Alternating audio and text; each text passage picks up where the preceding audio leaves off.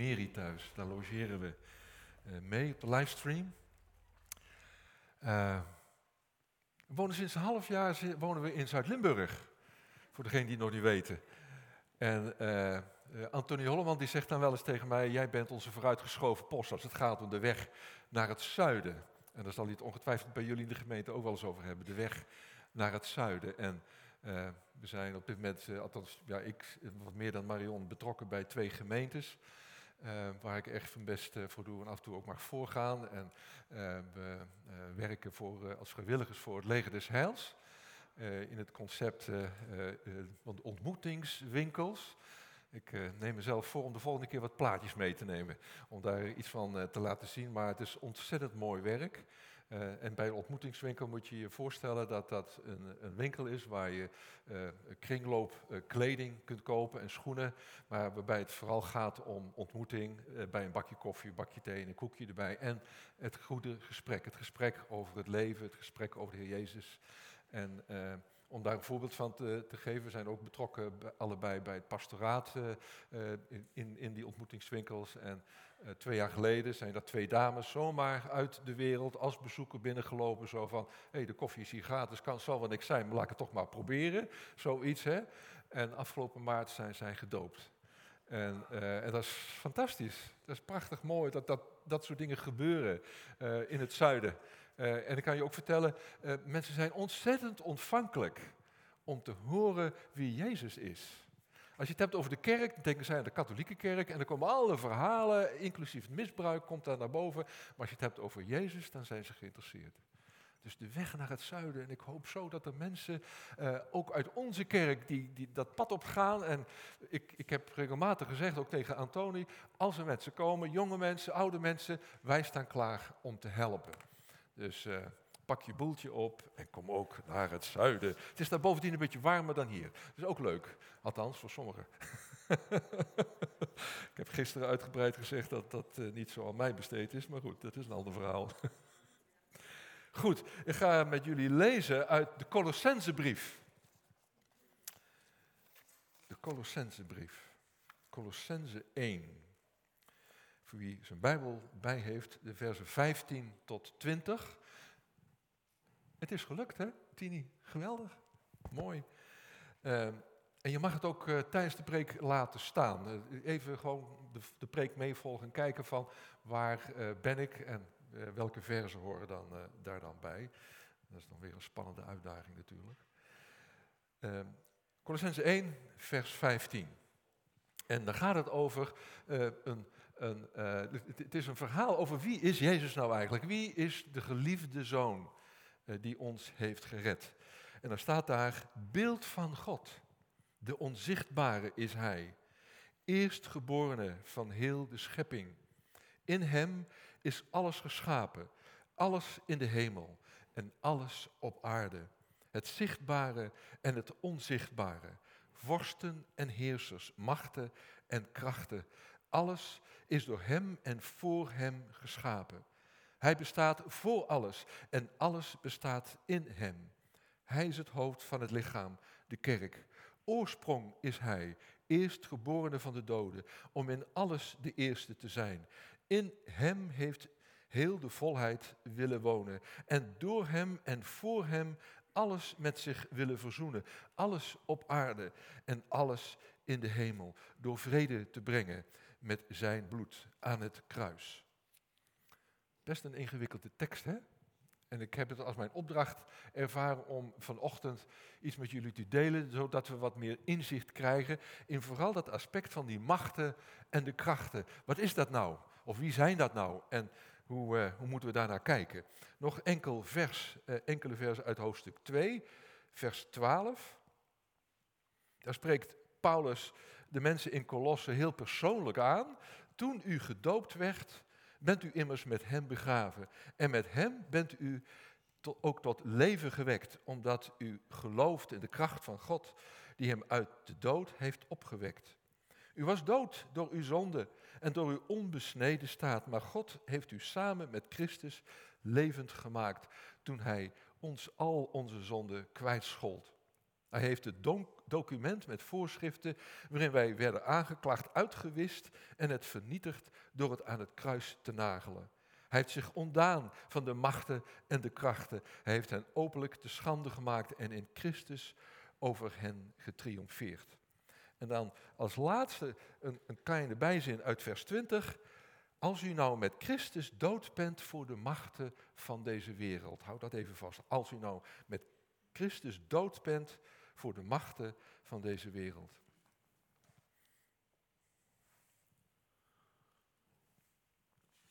Nou, Paulus die schreef deze brief uh, aan de mensen, aan de christenen in Colosse, toen hij gevangen zat in Rome. Een paar jaar voordat Colosse getroffen werd door een fikse aardbeving. Dat was ongeveer 64 na Christus. En het is een brief waarin de overwinning over de machten centraal staat.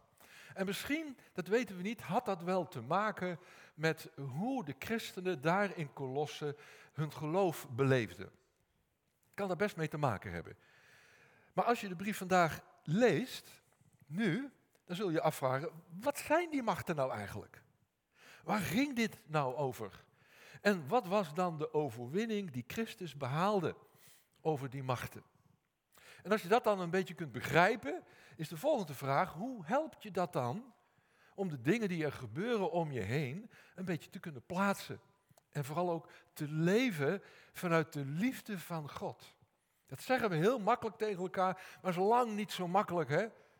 Dat is best lastig om uit de liefde van God je kwetsbaar op te stellen als dat nodig is, om de tweede mijl te lopen, om mild te zijn naar de ander in plaats van voor jezelf op te komen. Helemaal niet zo makkelijk om te leven uit de liefde van God en daarvan ook een getuige te zijn in de wereld om je heen. Daarover wil ik het met jullie vanochtend hebben. Nou, als je aan de mensen in Paulus' tijd, en vooral daar in Colosse zou vragen, uh, hoe zit dat nou met die machten? Dan hadden ze heel snel een antwoord klaar. Het was helemaal niet zo ingewikkeld voor ze. En dat had te maken met het feit dat de mensen in Paulus' tijd in een wereld leefden die bol stond van bovennatuurlijke machten, goden, demonen, noem het allemaal maar op. Dat, daar waren de mensen mee bekend. En dat had dan ook weer te maken met het feit dat de mensen de wereld beschouwden als angstig, als onzeker. Je wist nooit wat er morgen gebeurde. En daarom, alles werd toegeschreven aan de machten en de krachten. Om je een idee te geven van die tijd, als je de zee opging, wat sowieso een hele gevaarlijke onderneming was in die tijd. Als je de zee opging, dan, dan was het wel zaak om de goden van de zee aan jouw kant te hebben. Zo ging men varen, de zee op. Als je verliefd was, dan moest je er wel voor zorgen dat de, de godin Afrodite, de godin van de liefde, ook aan jouw kant stond. Want ja, anders zou het zeker niks worden met die date. En als je een oorlog had uit te vechten, dan kon je maar beter de god Mars aan jouw kant hebben. Dan had je een kans op de overwinning. Met andere woorden, elke actie, elke weg die je wilde gaan, had wel een spiegelbeeld in de wereld van de machten en de krachten. Nou, vandaag, vandaag de dag, lijken die verhalen ja, iets uit een heel ver verleden. En misschien zeg jij wel, of denk je wel op dit moment, ach, ach, de mensen van toen wisten niet beter. Maar hoe zit het nou eigenlijk vandaag? Hoe zit het eigenlijk vandaag? Laat ik jullie een vraag stellen. Door wie wordt de wereld van vandaag bestuurd? Wie zit er aan het roer? Zijn dat uh, de politici? Zijn dat de wereldleiders? Dat denken ze wel. Uh, en als het goed gaat, dan slaan ze zichzelf op de borst. Hebben wij gedaan. Maar kijk nou eens naar meneer Poetin. Meneer Poetin. Hij dacht dat hij zijn militaire operatie in de Oekraïne dus vrij simpel en ongestoord zou kunnen verrichten. Maar wat gebeurt er? Hij heeft de geopolitieke machten wakker, wakker geschud. Dat heeft hij gedaan. En, en, en, en hier en daar ook nog behoorlijk wat economische krachten en machten. En overal komt er wapentuig vandaan en wordt ingezet. En als je goed kijkt, lijkt het erop alsof de Oekraïne in een jammerlijk slagveld veranderd is, wat eigenlijk gaat over de wereldhegemonie. Een oorlog tussen de Verenigde Staten in het westen van Europa aan de ene kant en Rusland en China aan de andere kant. Geopolitieke machten en krachten die vanuit de, coulissen hun ellendige invloed uitoefenen. Zie jij ze? Ik zie ze niet. Een ander voorbeeld. Hoe komt het nou dat we niet in staat zijn om de leiders te stoppen die mensen op de vlucht jagen? Bij honderdduizenden. Opnieuw zijn het weer de geopolitieke of politieke macht, hoe je het noemen wil, die dat tegenhouden. En heb je je wel eens afgevraagd, tenslotte, hoe het nou komt dat juist nu, nu, de opwarming van de aarde en een wereldwijde gezamenlijke inspanning vragen. Dat er overal populistische leiders opstaan die roepen, heel hard roepen, ons land gaat voor. Met andere woorden, er zijn machten werkzaam die samenwerking juist tegenhouden. Wat is er dan aan de hand? Die machten en krachten. Je kunt ze niet aanraken. Je kunt ze niet zien. En voor een tijdje lijkt het erop alsof bepaalde mensen, of bepaalde mensen zijn die het doen, die er verantwoordelijk voor zijn. Maar haal je de mensen weg, dan zie je dat de machten nog steeds werkzaam zijn. Krachten of machten. Noem het de geesten van de tijd. Het zijn dingen die groter zijn dan de mensen die erbij betrokken zijn. Het enige verschil tussen ons en onze heidense voorvaders is dat zij, onze voorvaders, die situaties herkenden en er levendige namen aangaven, terwijl wij ze verbergen achter allerlei vage woorden. En misschien doen we dat wel om het idee te krijgen dat we in control zijn. Dat we alles kunnen beheersen, terwijl dat helemaal niet waar is. Terug naar de tekst. Want wat wilde Paulus nou aan de Colossense overbrengen? En wat wil hij vandaag tegen jou en tegen mij zeggen? Nou, de kern is dat God de mensen in Colosse had bevrijd van de invloed van die krachten en machten.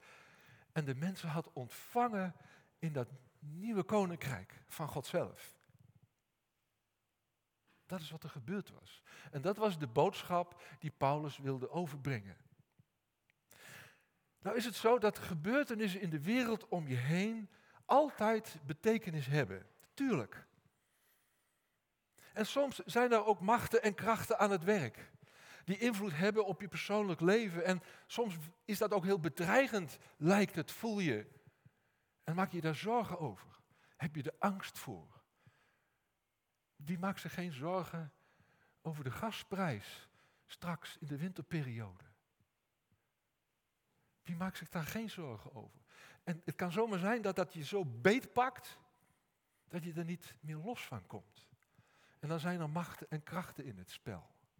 Ik sprak laatst een schoonzus van mij en die, en die zei tegen me, tegen, als het ging over alles wat er in de wereld speelt, eh, Ed, ik weet niet of je het erg vindt, maar ik steek mijn kop in het zand. Ik doe aan struisvogelpolitiek. Want als ik, als ik erover nadenk, dan lig ik er wakker van. Dat is wat er speelt. Maar weet je, het leven, de dood en opstanden van Jezus Christus hebben veel meer betekenis in je leven. En die betekenis is ook veel krachtiger. En kan je bevrijden van welke invloed van de machten dan ook. En dat heeft alles te maken met Gods liefde voor jou en voor mij en voor deze wereld. Want Gods missie is het immers om de wereld te redden. Daarom het kruis. Daarom de opstanding van Jezus Christus. En daarom zijn oproep om het leven van Jezus ook te volgen en in zijn spoor te lopen. Maar hoe zit het dan met die machten? Hoe komen die dan in het plaatje? Nou, Paulus zegt daar het nodige over in het eerste hoofdstuk wat we gelezen hebben. Het eerste wat hij zegt is dat, uh, dat alle dingen in Christus, door Christus en voor Christus zijn geschapen. Alle dingen. Dat betekent dus ook alle machten en krachten. En dat heeft te maken met het feit dat God de wereld bedoeld heeft als ordelijk, niet chaotisch. En die machten en krachten, alles wat we niet waarnemen, maar er toch is, die zijn bedoeld om de wereld te dragen en te ondersteunen. Zo heeft God het gewild. Zo lees je het ook in de tekst. Maar waarom zijn ze dat toch zo bedreigend? Wat is er dan misgegaan? Kennelijk is er iets misgegaan. Wat is misgegaan is dat mensen zoals jij en ik de verantwoordelijkheid over Gods schepping hebben opgegeven. Dat is wat er gebeurd is. Dat zie je in het groot. Kijk maar naar milieu, kijk naar klimaat. Maar dat zie je ook in het klein, in je eigen leven, in relaties, in gezinnen. Kijk maar om je heen. We zijn geneigd om ons over te geven aan de machten en krachten. En waar gaat dat dan over? Nou, als mensen het van God gegeven geld niet verantwoordelijk gebruiken, dan leveren ze hun macht over aan de mammon. Dat is wat er gebeurt. Als je keer op keer onverantwoordelijk omgaat met Gods mooie gift van seksualiteit, dan geef je de macht daarover geef je in handen van Afrodite. Zij gaat er dan over. Je hebt er zelf geen macht meer over. Als de machten het overnemen, loop je het risico verkreukeld en vermorzeld te worden. En als je ziet dat mensen op een of andere manier slachtoffer worden, hoe dan ook, dan is het vaak omdat er ergens machten in het spel zijn geweest die mensen niet meer kunnen stoppen. En dat kan heel ver gaan. Dat kan mensen helemaal kapot maken. En als je zo iemand kent, dan roep ik je op om naast die ander te staan. Want zelf kunnen ze niet meer uit die invloed. Het tweede punt dat Paulus wil maken, is dat de gelovigen in Kolossen niet langer ondergeschikt behoeven te zijn aan de machten. Want, zegt Paulus, Jezus heeft de strijd aangebonden met die machten en krachten. Jezus leefde een leven en leerde een weg om mens te zijn op een manier die de machten in alles uitdaagde. De machten zeiden tegen de mensen van toen en, en, en vandaag ook tegen jou en mij, je moet voor geld leven, je moet voor prestaties leven, je moet ervoor gaan. Kom voor jezelf op, word rijk, doe wat. Jezus zei, je kunt niet God dienen en ook de mammon. Dat gaat je niet lukken. De machten zeiden tegen de mensen in Israël, de weg naar de vrijheid gaat via het zwaard. Jezus zei dat degenen die het zwaard oppakken zullen sterven door het zwaard. De machten zeiden, Caesar, keizer Caesar, die is heer van deze wereld. Vandaag zouden we zeggen, meneer Ping of meneer Biden of meneer Poetin. Maar Jezus proclameerde een ander koninkrijk. Het koninkrijk van God. Misschien zeg jij nu wel, ah, dit gaat niet over mij. Ik ben niet zo. Ik verzet me tegen alles wat macht over mij wil, uh, wil uitoefenen. En dat is mooi. En dat kun je ook best wel een tijdje volhouden. Ik geloof dat je het kunt. Doe het alsjeblieft. Maar als je het in je eentje doet, dan zul je merken dat er een tijd komt dat de geestelijke tanks en de kanonnen binnenrollen om je te bestoken. En uiteindelijk hou je het gewoon niet meer vol. Het lukt je niet. Zo leek het ook te gaan toen Jezus aan zijn einde kwam. De machten hadden hem verslagen, zo leek het. Ze hadden hem vermoord, aan het kruis genageld. En dat doen machten. Als ze worden uitgedaagd. En Jezus was een rebel. Hij moest weg. Want het systeem verslaan, hoe de dingen liepen, zelfs de elite van Jeruzalem zei, beter dat één man sterft dan dat het volk eraan gaat. Dus de geest van de tijd omkeren, vergeet het maar lukt je niet. Maar we weten allemaal, we weten we allemaal dat het anders was. Want het kruis was niet het symbool van de ondergang van Jezus Christus door de machten. Nee, het was het symbool van de overwinning van Jezus over de machten. Want de macht van de zelfofferende liefde van God is veel sterker dan de macht van Caesar, de macht van Mars, de macht van Mammon, de macht van Afrodite en al die andere goden en godinnen en machten, noem ze maar op. De strijd is gestreden. Christus heeft overwonnen. En dat brengt Paulus bij het derde punt. En dat is dat de machten zijn verzoend met Christus. Ze zijn verslagen, maar God heeft ze niet uitgeroeid. Waarom dan? Hoe kan dat nou, als ze ons zoveel last kunnen bezorgen? Nou, dat heeft ermee te maken dat God een nieuwe wereld zoekt in jou en in mij. Ik zou bijna zeggen, om te beginnen in jou en in mij. Een wereld die nu al werkelijkheid kan zijn in jou en in mij. En daarom is het Gods bedoeling dat de machten opnieuw zijn schepping ondersteunen, hem dienen en ons mensen tot hulp zijn. Dus als je zegt dat het niet de bedoeling is om de afgod Afrodite te, te aanbidden, waarmee je eigenlijk ook zegt dat het hoogste goed van jouw leven zou zijn dat je eh, seks naloopt, dat wil niet zeggen dat je een wezen zonder seks bent.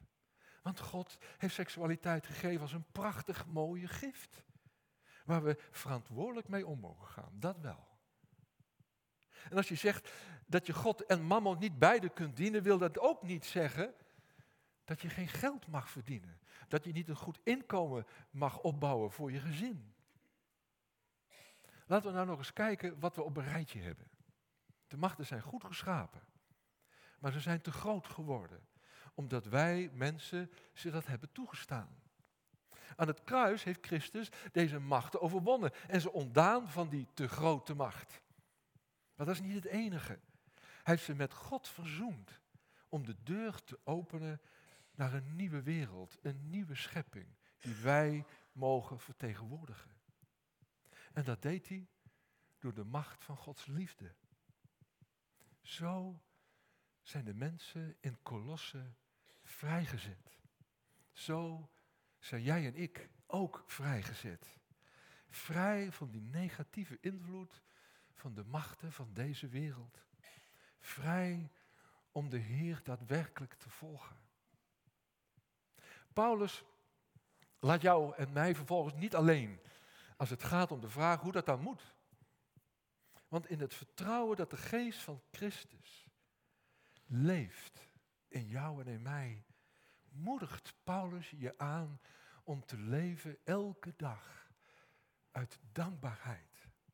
Anders gezegd, ontvang het leven elke dag uit Gods hand. Het is niet vanzelfsprekend. Want het leven is genade. Je mag leven in Christus. In Christus. Dus laat de woorden van Christus ook in je wonen. Maak ze je eigen uit dankbaarheid.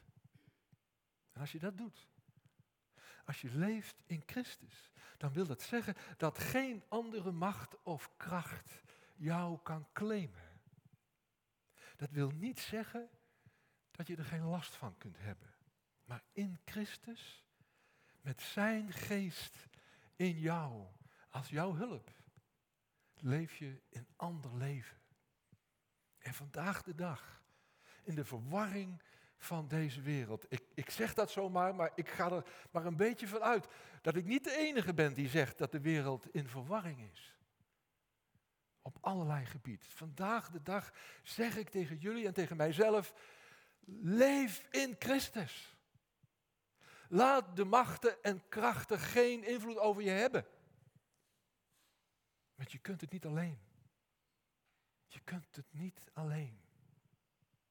Verderop in de brief legt Paulus uit dat leven, hoe dat leven in Christus eruit ziet. Op een hele praktische manier. Lees het alsjeblieft thuis nog even na. Ook ethisch legt hij het helemaal uit. De macht van de begeerte, die zegt dat je niet zonder kunt. De macht van de angst, de macht van de achterdocht en van de gierigheid, die je vertellen dat je daarom ook best kwaad mag worden, dat geweld ook nog wel een keer goed is.